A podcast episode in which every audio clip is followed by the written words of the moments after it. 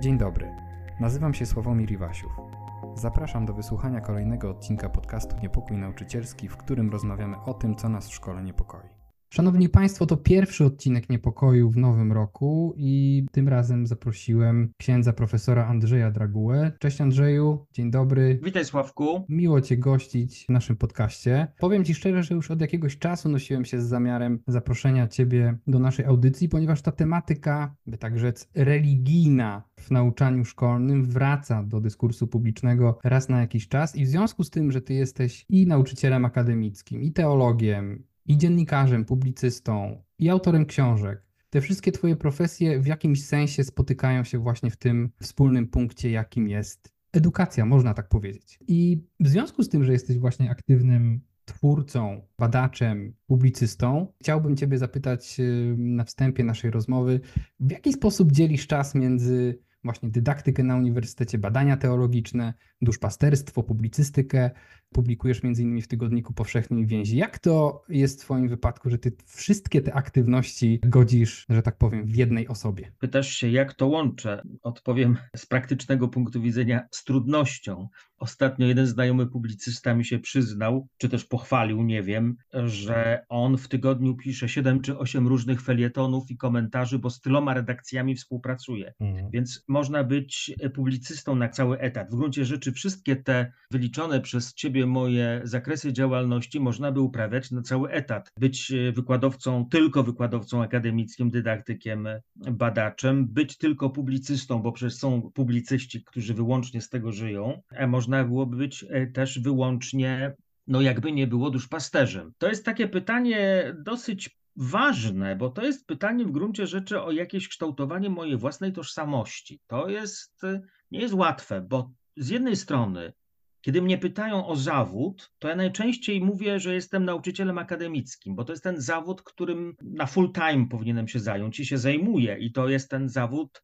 który mnie utrzymuje, mówiąc krótko. A przecież e, nie jestem duszpasterzem na full time to są takie płaszczyzny, które się na siebie nakładają. Czasami jestem bardziej wykładowcą akademickim, czasami jestem e, bardziej księdzem, czasami jestem bardziej publicystą, e, że tylko te trzy perspektywy ze sobą powiążę. Łączy je no tak, łączy je przede wszystkim autor, twórca, człowiek, który w tych wszystkich wcieleniach się jakoś odnajduje. I mnie się wydaje, że łączy ich jakby nie było tematyka, bo w gruncie rzeczy wszystko to oscyluje wokół kwestii religii, religijności Kościoła, teologii Pana Boga, miejsca religii w przestrzeni publicznej. To są w gruncie rzeczy takie sprawy, i to chyba jest akurat bardzo wygodne, że we wszystkich tych sferach zajmuje się w gruncie rzeczy tym samym. To znaczy, czasami nawet się zastanawiam, czy któryś mój tekst jest bardziej publicystyczny, czy jest bardziej naukowy. Więc w związku z tym to, to jest jakaś. E, to jest jakaś wygodna sytuacja, prawda? Że mogę nawet ten sam pomysł, ten sam tekst, tę samą ideę opracować naukowo-publicystycznie, a jeszcze mogę ją przenieść kaznodziejsko na ambonę, bo i tak się zdarza, zauważam, że te niektóre moje mm, teksty, myśli, idee, pomysły mają takie wielokrotne życie, ponieważ to za wszystko zależy, jaki nadam im rygor. Czy to będzie rygor akademicki, czy to będzie rygor publicystyczny, czy to będzie właśnie rygor taki kaznodziejski. Więc jakoś to w sobie łączę. W jakimś sensie potwierdzasz tę moją intuicję, że można szukać w tym, co robi Andrzej Draguła na różnych tych polach, y, o których tutaj wspominamy, można szukać jakiejś specyficznej wersji, jakiejś indywidualnej wersji nauczycielstwa. I w związku z tym, że w tej audycji, ale też w wywiadach, wywiadach, refleksji, które przygotowuję, kiedy rozmawiam właśnie z nauczycielkami, z nauczycielami, to czasami próbuję zadawać im takie pytania, które mm, zmierzają w kierunku odpowiedzi na taką kwestię, jak postrzegamy profesję nauczycielską w perspektywie przemian społeczeństwa XXI wieku. Co to znaczy dla nas dzisiaj być nauczycielką, nauczycielem? Jak y, znajdujemy swoje miejsce wśród innych społecznych y, aktywności? I w związku z tym chciałbym Ciebie zapytać, jak Ty definiujesz siebie jako nauczyciela? Jakim nauczycielem jesteś jako ksiądz, jako profesor, teolog, wreszcie dziennikarz? pisarz, bo i tak chciałbym Ciebie widzieć jako pisarza, ale może do tego jeszcze e, przejdziemy w dalszej części naszej rozmowy. I to jest drugie trudne pytanie, i to jest drugie trudne pytanie o moją tożsamość w gruncie rzeczy, bo jakim ja jestem nauczycielem? Zróżnicowanym. Uświadomiłem to sobie, że jestem zróżnicowanym nauczycielem ze względu także, gdzie tę funkcję nauczycielską spełniam. Inaczej jestem nauczycielem, kiedy mam wykłady w seminarium duchowym, bo jest to jednak specyficzna instytucja edukacyjna, utrzymajmy się tej terminologii jakby adekwatnej do naszego tematu i, i charakteru podcastu. Więc jest to specyficzna instytucja edukacyjna, ponieważ nie zajmujemy się tam wyłącznie przekazem wiedzy teologicznej, ale także kształtowaniem przyszłych księży, przyszłych kapłanów, więc jest też jakiś proces wychowawczy jakiś proces kształtowania człowieka. Ja nie jestem dla nich wyłącznie wykładowcą, ale jestem także jakimś emblematem tego, kim mają być w przyszłości a więc y, księdzem. Więc spoglądają na mnie z różnych perspektyw, nie tylko jako wykładowcę, ale jednak jako, no właśnie, nie, nie chcę powiedzieć, nie daj Boże, wzór, ale jakiś punkt odniesienia tego, kim oni będą. Oczywiście nie jest to punkt odniesienia, powiedzmy sobie, e, najwłaściwszy, bo najprawdopodobniej niewielu z nich, jeśli ktokolwiek, zostanie wykładowcą akademickim, chociażby z tego powodu, że e, kandydatów do kapłaństwa nie ma zbyt wiele. Ale inaczej się czuję na zajęciach ze świeckimi studentami teologii, bo już nie ma tego, tego elementu dodatkowego, wychowawczego, ale nie ma też pewnego, powiedziałbym, napięcia, które się z tym łączy bo wiadomo, klerycy mnie postrzegają jednak jako wychowawcę. Studenci świeccy o wiele bardziej w kategoriach akademickich ale jest między nami pewien pakt, ponieważ uczę ich teologii, zakładam, że to są osoby, które się teologią interesują, mogę zakładać nawet i powinienem, że są to osoby wierzące. Ale chciałbym się podzielić jeszcze jednym moim doświadczeniem nauczycielskim, które jest moim zdaniem dla mnie szczególnie cenne. Jak wiesz dobrze, mam zajęcia nie tylko na Wydziale Teologicznym, ale także od kilku lat na Wydziale Humanistycznym. Miałem na studiach pisarskich, miałem także na, to się nazywało... Dziennikarstwo i komunikacja społeczna? Chyba też miałeś? Nie, nie, nie, nie. Miałem na mediacji międzykulturowej. Okay. To był taki kierunek, który chyba był między socjologią a filozofią. Ja tam miałem taki temat chrześcijaństwo wobec obcości. Na studiach pisarskich w tym roku właśnie zakończyłem zajęcia o blogosferze, także w perspektywie właśnie jakichś problemów, ogólnie rzecz ujmując, duchowości i religii. I rozpoczynając te zajęcia, uświadomiłem sobie i moim studentom, że ja tam nie mogę być w roli kaznodziei, katechety, homilety, ewangelizatora, bo by mnie to spaliło na wejściu. Ja musiałem być bardzo rygorystycznym wobec samego siebie wykładowcą, takim, który podejmuje z nimi zagadnienia dotyczące duchowości, religijności w blogosferze, jak przestrzeni publicznej podejmować różnego rodzaju tematy religijne, tak kontrowersyjne jak, nie wiem, bluźnierstwo, jak ateizm, jak różne formy współczesnej duchowości niereligijnej, jak związki między religią a literaturą. I dla mnie to było bardzo ważne, bo ja wiedziałem, że inaczej, mając świadomość także tego, jak postrzegany dzisiaj bywa urzędowy przedstawiciel Kościoła, no nie ma co się oszukiwać, więc, ale muszę przyznać, że kiedy się rozstawaliśmy, to sobie pozwoliłem na samym końcu na wyjście z roli. Po wyjściu z roli powiedziałem właściwie dwa, trzy zdania o, o tym, o tym doświadczeniu duchowym, jakim było dla mnie prowadzenie tych zajęć, i wtedy studenci także mówili o tym, czym to było dla nich. Nie tylko w tej perspektywie stricte dydaktycznej, tak, merytorycznej, ale także właśnie w odniesieniu do spotkania z człowiekiem, który reprezentuje taki mm, e, typ, powiedzmy sobie, świadomości religijnej i tak dalej, i tak dalej, i tak dalej. To jest dla mnie szczególnie cenne, ponieważ wydaje mi się, że być może, być może współcześni katecheci szkolni też powinni się uczyć trochę więcej takiego sposobu kształtowania swojej e, relacji z uczniami, żeby to nie było od razu takie, wiesz, wyjście z pozycji katechety mającego rację, który będzie tutaj nawracał. Myślę, że to budowanie przedpola takiego takiego pola wzajemnego zaufania, takiego pola wzajemnego zrozumienia niezwykle jest, zwłaszcza w odniesieniu do, do, do, do, nauczania religii, bardzo ważny. I właśnie, to jest ten temat, który chciałbym poruszyć jako kwestię centralną naszego dzisiejszego spotkania, mianowicie nauczanie religii w szkole. To jest taka kwestia, która wraca do debaty publicznej raz na jakiś czas. Nawet kilka dni temu widziałem jakieś newsy na portalach informacyjnych y, mówiące o jakimś takim wznowieniu tej dyskusji. Ona się z reguły zaognia w taki sposób, powiedziałbym, tabloidowy mhm. i, i czasami właściwie służy tylko temu, żeby podbijać klikalność. Natomiast jest to kwestia poważna i wydaje mi się, że ona cały czas w odniesieniu do tej przestrzeni oświaty publicznej, bo o tej przestrzeni przede wszystkim mówimy, jest to kwestia niezałatwiona. I chciałbym Ciebie zapytać, jakie jest Twoje zdanie na ten temat? Czy religii uczyć tylko w szkole, czy tylko przy parafiach? Y, może jeszcze są jakieś inne sposoby zorganizowania tego typu y, zajęć edukacyjnych? Czego w ogóle powinno uczyć się na takich lekcjach, Twoim zdaniem? Czy to miałaby być, jak niektórzy postulują, jakaś historia religii? Y, czy jakieś inne formy znajdowania takich zagadnień około religijnych, którymi kultura jest przecież przepełniona? Jak Ty to widzisz? Jak powinno się dzisiaj być może myśleć o tym, żeby na nowo zorganizować lekcje religii w szkołach? Od razu mówię, że nie mam na to żadnego idealnego rozwiązania, jeśli w ogóle mam jakiekolwiek rozwiązanie, zwłaszcza w odniesieniu do takich rozwiązań praktycznych. Ale mnie się wydaje, że rozwiązania praktyczne powinny być konsekwencją pewnych o wiele bardziej fundamentalnych ustaleń. Mnie się wydaje, że żyjemy w Polsce teraz w bardzo specyficznym momencie w odniesieniu do tego konglomeratu zagadnień religijno-kościelnych. One są bardzo silnie powiązane z Kościołem. One mniej dotyczą samej kwestii religii i wiary, o wiele bardziej tym punktem zapalnym jest instytucja Kościoła. To nie ulega wątpliwości.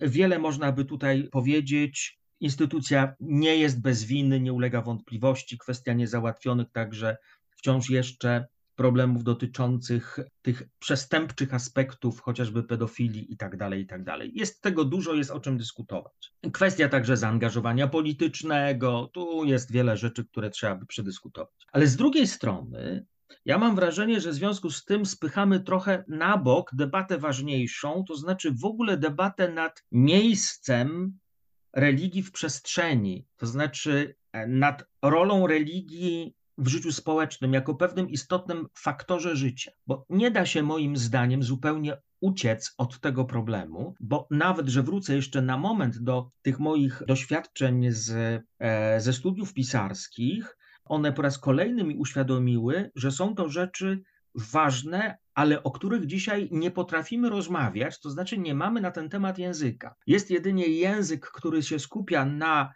kwestii instytucjonalności, a nie mamy języka, którym umielibyśmy rozmawiać o czymś takim jak potrzeby religijne, jak potrzeby duchowe, jak duchowość człowieka, jak różnego rodzaju poszukiwania religijne, jak, nie wiem, kwestie egzystencjalne, etyczne, Moim zdaniem źle się stało, że ta etyka nie została wprowadzona, ponieważ ona byłaby istotnym punktem odniesienia, kontrapunktem byłaby dla e, nauczania religii i myślę, że wówczas także nauczanie religii mogłoby się wobec niego, wobec niego zmienić. Dzisiaj jesteśmy właśnie na takim etapie, że my chyba nie do końca mamy tę, tę dyskusję na temat roli religii rozprowadzoną. Jak to powinno być w szkole? Czy to winno być wyłącznie w szkole? Nie ulega wątpliwości, że pierwszą przestrzenią kształtowania wiary jest, y, już pomijam rodzinę, ale to są inne kwestie, ale jeśli mamy porównać instytucje kościoła i szkoły, to zapewne tym pierwszym terenem, przestrzenią, gdzie dokonuje się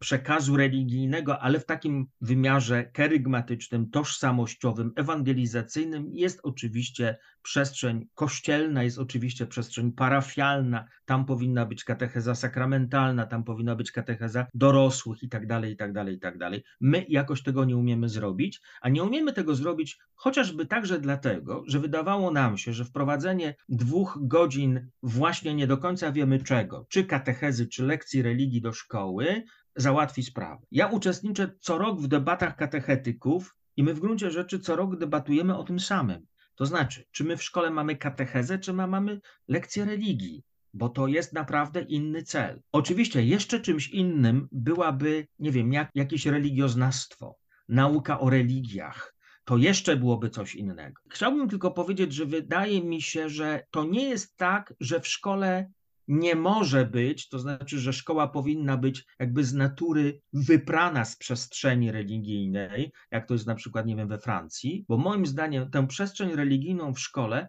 można organizować w taki sposób, żeby ona była przestrzenią rozmowy, przestrzenią dialogu, przestrzenią poszukiwań. Pytanie jest tylko takie, czy my jako katecheci, że już się włączę w katechetów, czy my jako katecheci potrafimy w ten sposób rozmawiać, zwłaszcza w szkołach średnich, ponieważ w szkołach podstawowych to jest trochę inny sposób, wiadomo, przekazu wiary, to jest w gruncie rzeczy socjalizacja religijna. Ale młody człowiek w szkole średniej, który stawia mnóstwo pytań i nie wiem, czy żąda od razu odpowiedzi, ale chyba żąda przestrzeni, w której może te pytania postawić, to wydaje mi się, że szkoła też powinna mu dać taką przestrzeń, gdzie na te pytania mógłby mu odpowiedzieć ktoś właśnie z tej perspektywy religijnej. Mnie bardziej potrzebna jest debata nad właśnie sposobem bycia w przestrzeni niż rozwiązania, niż takie rozwiązania czysto praktyczne. Ja dzisiaj czytałem taki e, bardzo interesujący tekst młodych doktorantów teologii z Europy, z różnych wyznań, którzy mówią, że być może niedługo nie będzie już tak rozbudowanej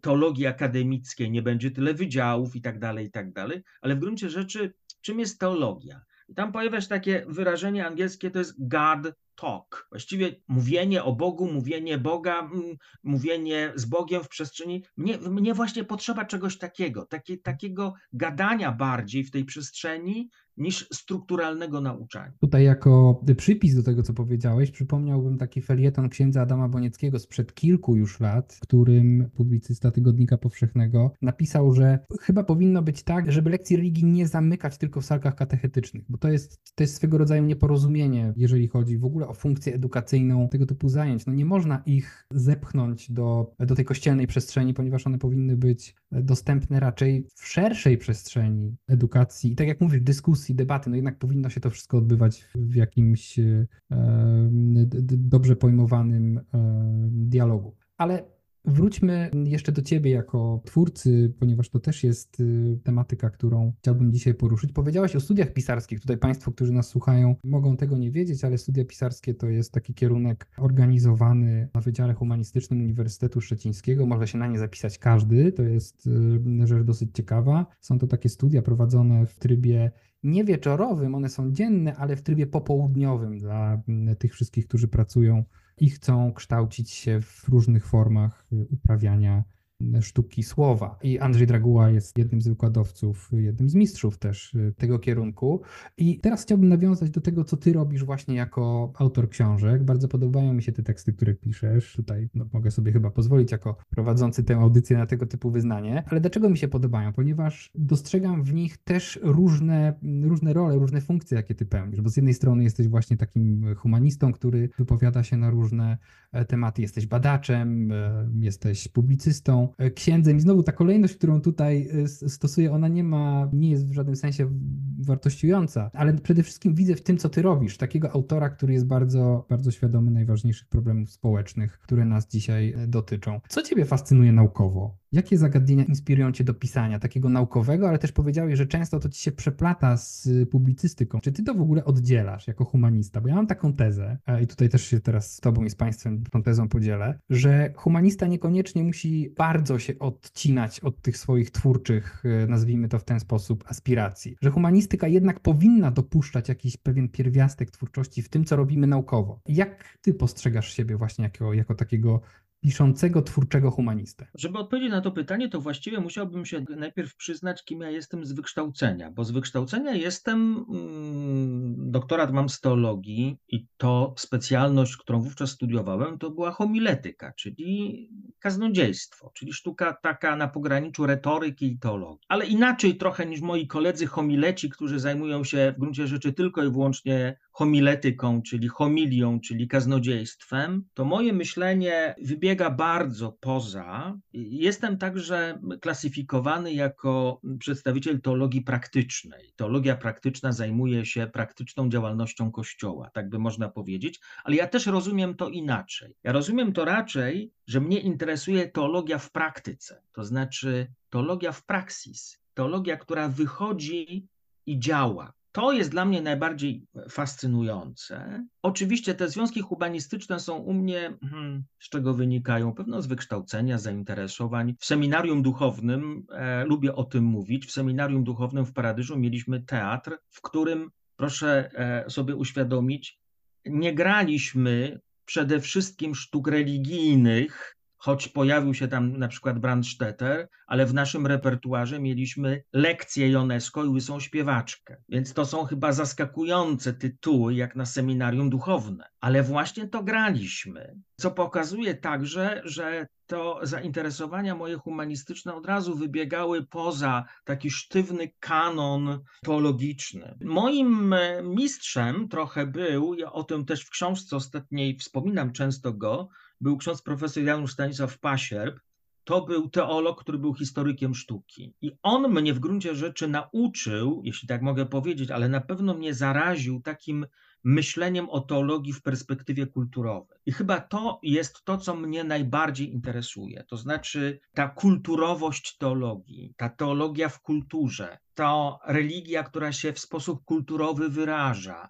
to pytanie, czy współczesne chrześcijaństwo się wyraża na sposób kulturowy, czy też nie potrafi się dzisiaj wyrazić na sposób kulturowy w ten sposób, żeby być wiernym chrześcijaństwu, a jeszcze komunikatywnym. Więc to jest dzisiaj w gruncie rzeczy to, co mnie najbardziej interesuje. I to mnie interesuje i warstwie słownej, i to mnie interesuje warstwie ikonicznej, to mnie interesuje, warstwa muzyczna może najmniej, ponieważ nie znam się na muzyce, tak? Ale szukam także tych przestrzeni, nie wiem, w spektaklu teatralnym, w operze, czasami zdarza mi się, że nawet e, recenzuję. Właśnie szukam takiej przestrzeni, bo mam wrażenie, że oddaliśmy pola to jest takie zdanie, które mnie przekonało księdza profesora Tomasza Halika, które on zresztą wygłosił w Szczecinie, co jest ważne, ponieważ został zaproszony na kolokwia erazmiańskie przez szkołę doktorską i on tam powiedział, że dla niego największym przejawem sekularyzacji jest jakby odkulturalnienie, wykulturalnienie, kulturowa nieobecność.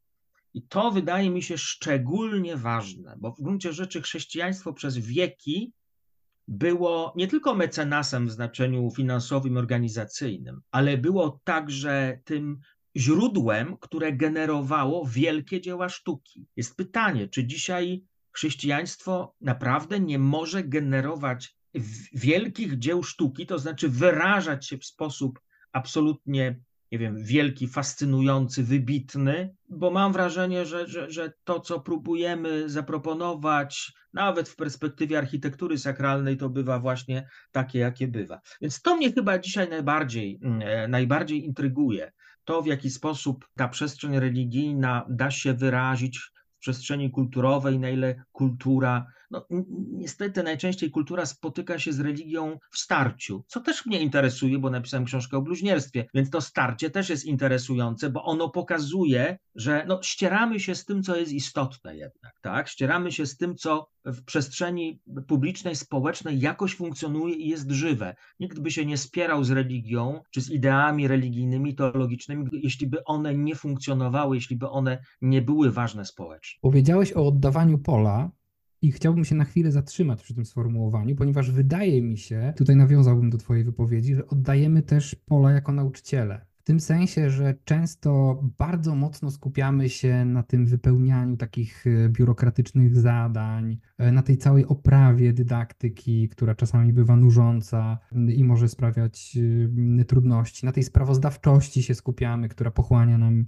bardzo dużo czasu, a oddajemy pola w tym sensie, że rzadko mamy okazję do tego, żeby pokazać naszym uczniom, naszym studentom, czy to w szkole, czy na uniwersytecie, jacy jesteśmy, czym się zajmujemy naprawdę, w takim sensie naukowym często, w takim sensie mm, dydaktycznym, jakie mamy też pasje, przekonania, e, jaki mamy światopogląd. I wydaje mi się, że dzisiaj to też zostało w jakimś sensie z różnych powodów. Nie sądzę, żebyśmy je byli w stanie teraz y, rozstrzygnąć w tak krótkiej rozmowie, ale wydaje mi się, że to gdzieś zostało zagubione. I że tacy nauczyciele jak ty jeszcze się nie poddają. W ten sposób bym postrzegał to, co ty robisz właśnie jako nauczyciel, jako, jako wykładowca, jako dziennikarz, jako publicysta i tak dalej. Ale przygotowując się do tej rozmowy, przejrzałem sobie, przypomniałem kilka Twoich książek. Wybrałem te z ostatnich lat, bo gdybyśmy mieli sięgać do całej bibliografii twórczości naukowej i publicystycznej Andrzeja Draguły, no to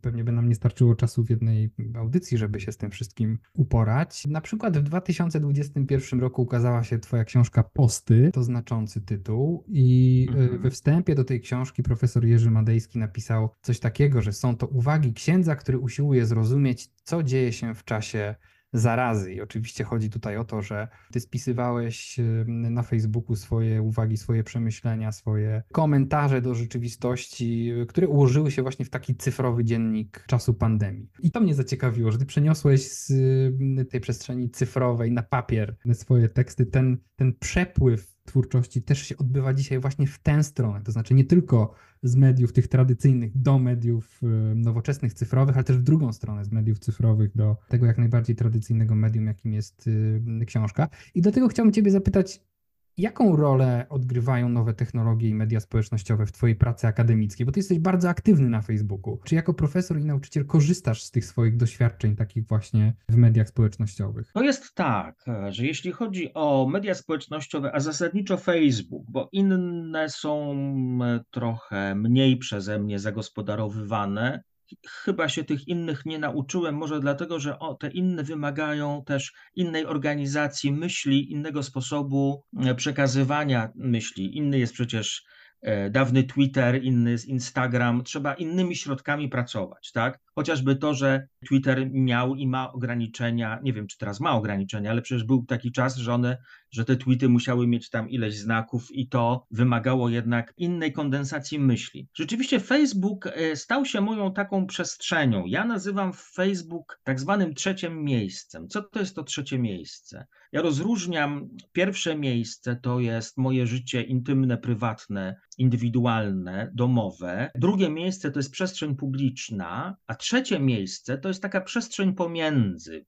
Przestrzeń, do której zapraszam i przestrzeń, do której zgadzam się, żeby inni weszli, ona wymaga, wydaje mi się, nie zawsze to się mnie i innym użytkownikom Facebooka udaje, ponieważ ta trzecia przestrzeń wymaga z jednej strony jakby to powiedzieć, pewnego obnażenia się, ale z drugiej strony ona nie może być ekshibicjonistyczna, bo jeżeli ktoś ma profil ekshibicjonistyczny, to jest po prostu żenujące. Ja nie mówię oczywiście o ekshibicjonizmie w sensie ikonograficznym, ale mówię o, o takim życiowym. Więc ujawniam tam jakąś część siebie, oczywiście. Ujawniam tę część siebie, którą chcę ujawniać. Więc pokazuję te podróże, które chcę pokazywać, pokazuję e, te książki, które chcę pokazać i tak dalej, i tak dalej. Jest to dla mnie o tyle ważna przestrzeń, że jest to wystawienie się na, na bezpośrednią interakcję. Tak? Być może jestem człowiekiem, który potrzebuje szybkiego feedbacku. My dobrze wiemy obaj, jak funkcjonują teksty naukowe. Teksty naukowe są bardzo długoterminowe być może ktoś kiedyś napisze recenzję i to będzie cały odzew, tak? Być może się zorganizuje jakieś spotkanie, ale w gruncie rzeczy e, sążniste teksty naukowe nie wywołują tego. Ja bym bardzo namawiał w gruncie rzeczy, myślę, że jesteś tego samego zdania co ja, bo mówiłeś przed chwilą o tym aspekcie twórczości w humanistyce, także w badaniach naukowych. Ja bym bardzo namawiał właściwie wszystkich badaczy, wszystkich naukowców, żeby oni także poćwiczyli ten inny rejestr, ten rejestr publicystyczny, bo rejestr publicystyczny wymaga pracy nad językiem, wymaga pracy nad własną tożsamością naukową, wymaga dużych kompetencji takich komunikacyjnych. I dla mnie właśnie przestrzeń Facebooka jest taką mm, przestrzenią pracy nad językiem, pracy nad przetłumaczeniem tego, co jest naukowe, czasami na takie właśnie postowe, żeby można było to zakomunikować także szerszej, e, szerszej publiczności. A z drugiej strony jest to dla mnie także jakiś sposób trzymania e, ręki na pulsie życia. Siłą rzeczy mm, prowadzę życie dosyć, jakby to powiedzieć, nie chcę używać słowa ascetyczne, ale jakoś ograniczone, nie mając domu, rodziny, nie partycypuję w wielu kwestiach, których ty jako mąż, ojciec partycypujesz bezpośrednio, ja się o nich dowiaduję pośrednio. Więc w związku z tym jest to także takie przypatrywanie się życiu ludzi, próba wejścia w to życie ludzi. Ale z drugiej strony nie jestem znowu w dydaktyce wielkim zwolennikiem e, technologii. Nie jestem fanem e-learningu, nie lubię uczyć zdalnie, potrzebuję bezpośredniego kontaktu. Wbrew zaleceniom, tu muszę się przyznać, też jakoś nie mam wielu pomocy aktywizujących w postaci tych przeźroczy i różnych innych takich właśnie. Choć muszę przyznać, że w czasach e, pracy zdalnej to te prezentacje bywały, bywały bardzo sensowne. Ale na przykład, kiedy zdarza mi się przewodniczyć obronie doktoratu, to bardzo zachęcam doktoranta, żeby mówił, żeby do nas mówił, a nie żeby pokazywał, a nie żeby pokazywał prezentację na tablicy, bo ja chciałbym go posłuchać. Tak jak mówisz, on jest bardziej wtedy też sobą, on się wyraża w tym żywym słowie, w żywej przestrzeni. To być może też ta obecność na Facebooku wynika z tego niedostatku żywej przestrzeni, której nie mam na tyle i ją jakoś rekompensuję, przyznaję się do tego. To jest sposób też życia.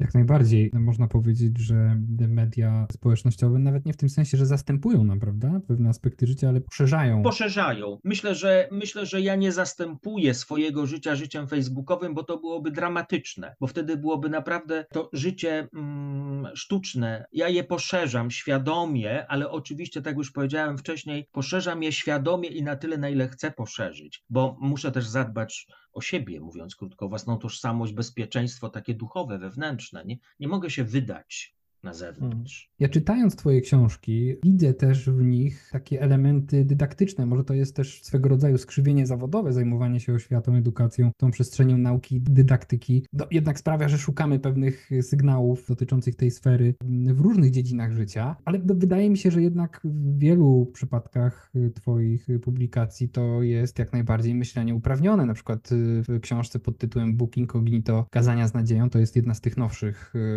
Twoich publikacji publikacji, no właśnie jesteś takim ale w pozytywnym sensie dydaktycznie nastawionym nauczycielem. Jeżeli Państwo nie znają tej książki, to powiem krótko, że są to e, homilie wygłoszone w latach 2020-2022. Znowu w czasie pandemii, to jest ciekawe, ale raczej są to takie, powiedziałbym, analizy, interpretacje, paralele, trochę takie eseistyczne kawałki, w których tak jakbyś uczył swoich wiernych o tym, jak należy czytać, wiadomo, jakie teksty literackie. Przy czym ja właśnie widzę w tych twoich kazaniach taką hermeneutykę nieortodoksyjną, ponieważ często się przyznajesz do tego, że jesteś takim hermeneutą poszukującym, takim hermeneutą interpretującym, właśnie nieortodoksyjnym. Jakieś tam zdania sobie wypisałem z właśnie z, z Boga Incognito. Jedno jest ciekawe. Andrzej Draguła pisze w ten sposób. Ewangelia mnie zaskakuje. Wciąż mnie zaskakuje nowym odczytaniem tekstów, które, zdawałoby się, znam na pamięć i wszystko o nich wiem. Czy możesz nam powiedzieć, czym ciebie wciąż Ewangelia zaskakuje? Święty Augustyn powiedział, że Ewangelia mnie przeraża. To jest zdanie, które gdzieś mam zawsze z tyłu głowy.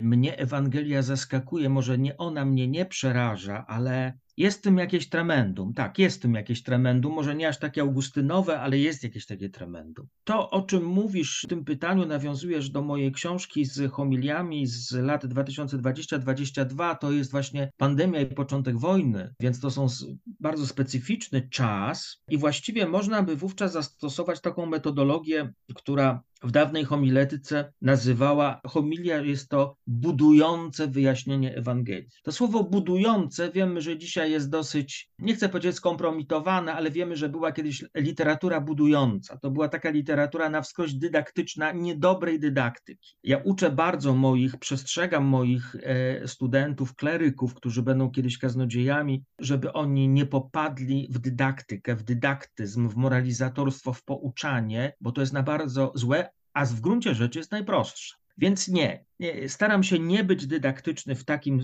tego słowa znaczeniu. Jeżeli chcę być dydaktyczny, jeśli jestem jakoś dydaktyczny, to jest właśnie tak, jak, jak powiedziałeś. E, próbuję moimi homiliami dawać ludziom narzędzia jakieś interpretacyjne. Ja chyba niejednokrotnie nawet na Facebooku pisałem, że ja powinienem zostać chyba literaturoznawcą. Ale być może sztywne podziały między e, teologiem a literaturoznawcą należałoby trochę zostawić na bok, kiedy czytam na przykład profesora Koziołka, to do końca nie wiem, czy on jest teologiem, czy, czy on jest literaturoznawcą. Choć on nie jest teologiem akademickim, ale jego literaturoznawczość jest na wskrość teologiczna, czy teologizująca. Więc być może jestem gdzieś pomiędzy właśnie takiego myślenia literaturoznawczego i teologicznego. Być może są to podobne instrumenty. Ja e, staram się ludzi nie pouczać, staram się prowadzać ich w przestrzeń Ewangelii i tak, by oni tą przestrzenią Ewangelii próbowali rozpoznać siebie w świecie. To jest moim zdaniem kluczowe. Dać ludziom jakieś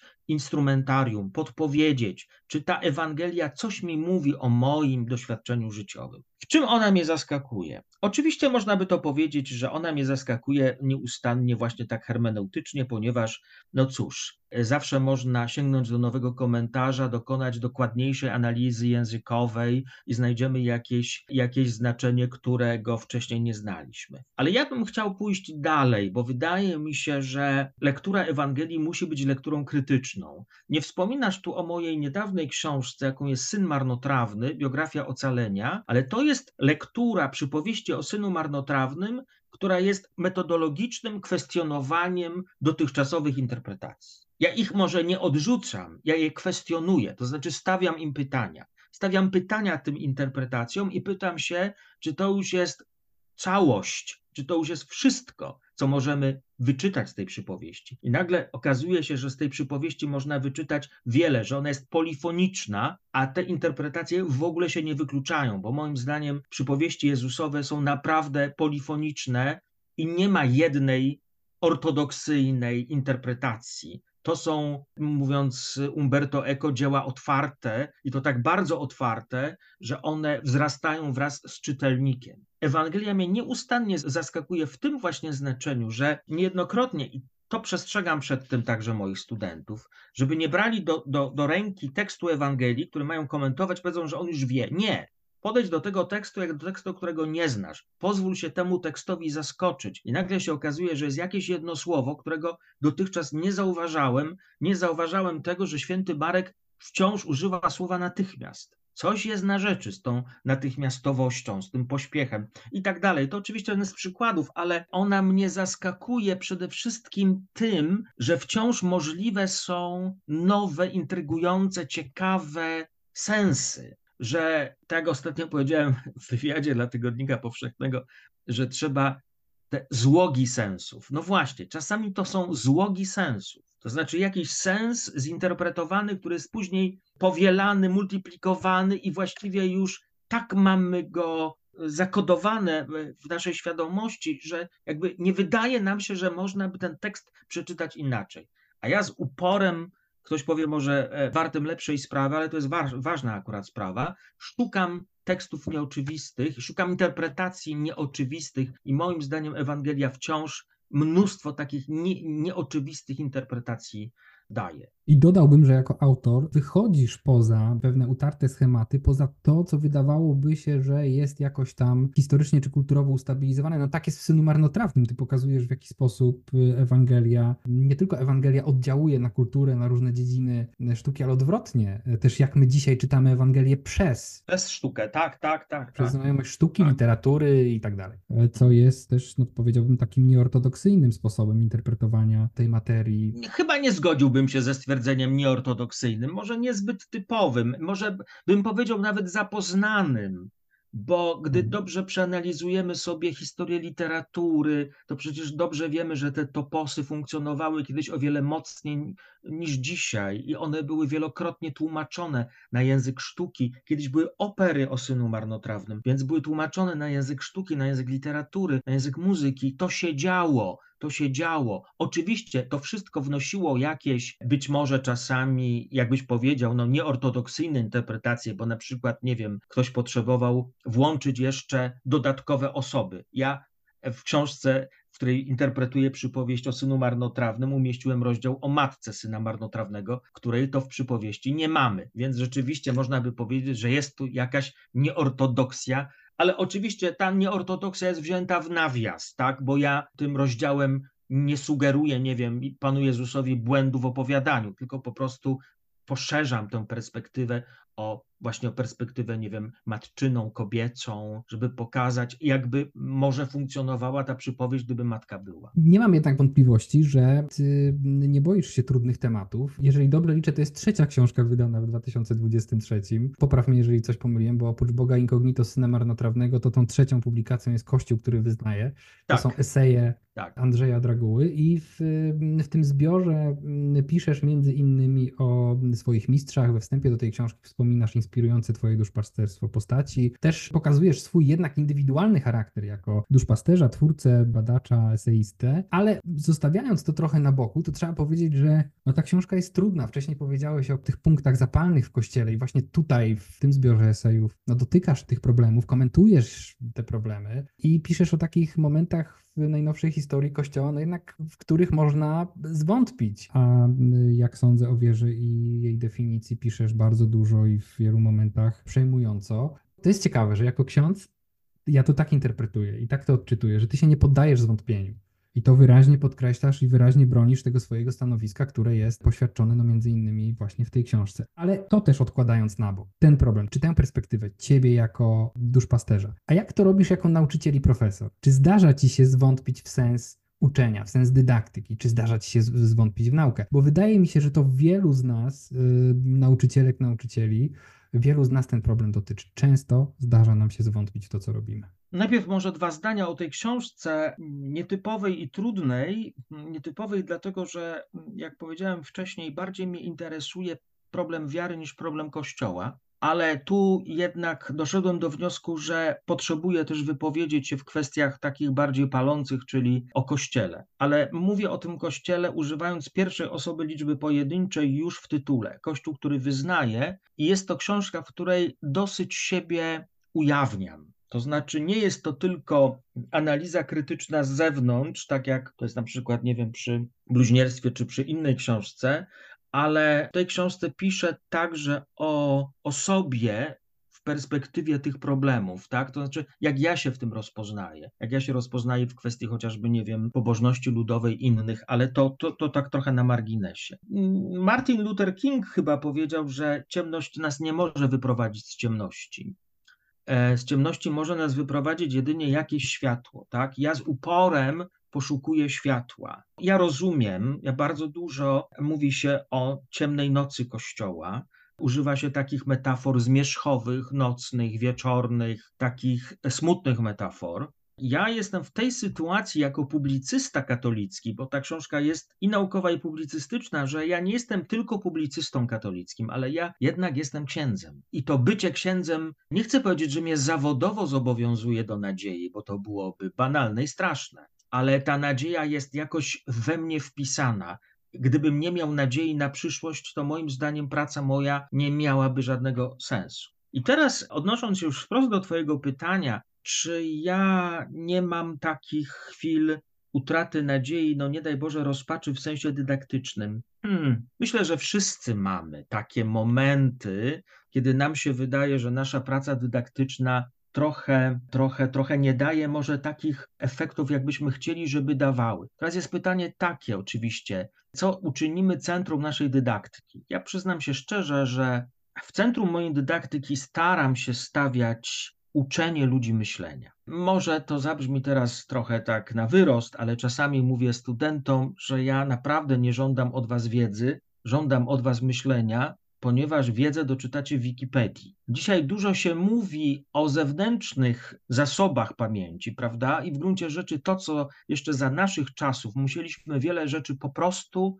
pamiętać, wiedzieć, bo nie było bezpośredniego dostępu do zewnętrznych zasobów pamięci, prawda? Pamiętam z mojego dzieciństwa e, szkolnego, trzeba było pójść do biblioteki miejskiej, żeby z, z encyklopedii czterotomowej AZ coś wypisać. Tak, to jest działanie paleograficzne dla wielu współczesnych uczniów czy studentów. Staram się ich uczyć myślenia teologicznego. To, to oczywiście nie jest proste, ale staram się uczyć także, jeśli nie są to studia teologiczne, tylko właśnie chociażby na humanistyce, to też staram się ich uczyć. To, co mnie być może przeraża, choć to nie dzieje się w perspektywie dydaktycznej, to znaczy nie mam takiego doświadczenia, ale już bardziej w tej perspektywie mediów społecznościowych, to mnie przeraża chyba jakaś taka, jakby to powiedzieć, nachalność nienawiści, nachalność hejtu, taka, taka łatwość hejtu, o, tak bym może to powiedział. Łatwość kpienia z drugiego człowieka, łatwość kpienia z innego sposobu myślenia, hermetyczność.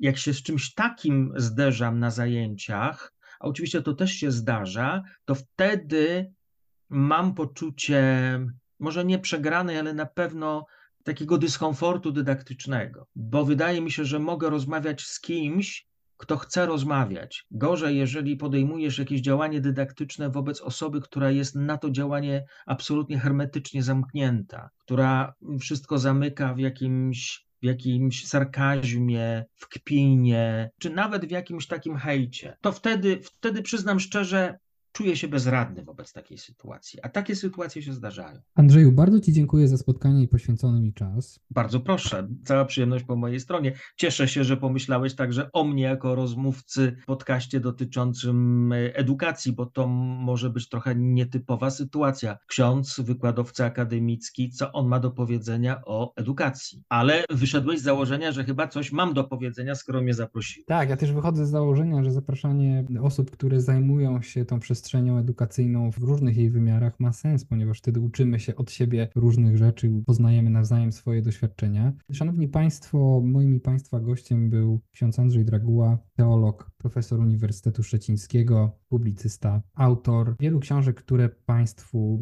serdecznie polecam. A ja tylko przypomnę, że nasz podcast można znaleźć zarówno na stronie Zachodniopomorskiego Centrum Doskonalenia Nauczycieli. Proszę szukać zakładki podcasty. Można nas także słuchać za pośrednictwem aplikacji Spotify, gdzie ukrywamy się na profilu podcasty e, ZCD. No, wszystkie odcinki naszych audycji montuje Grzegorz Sadłowski. Ja nazywam się Sławomir Iwasiów. Do usłyszenia i powodzenia.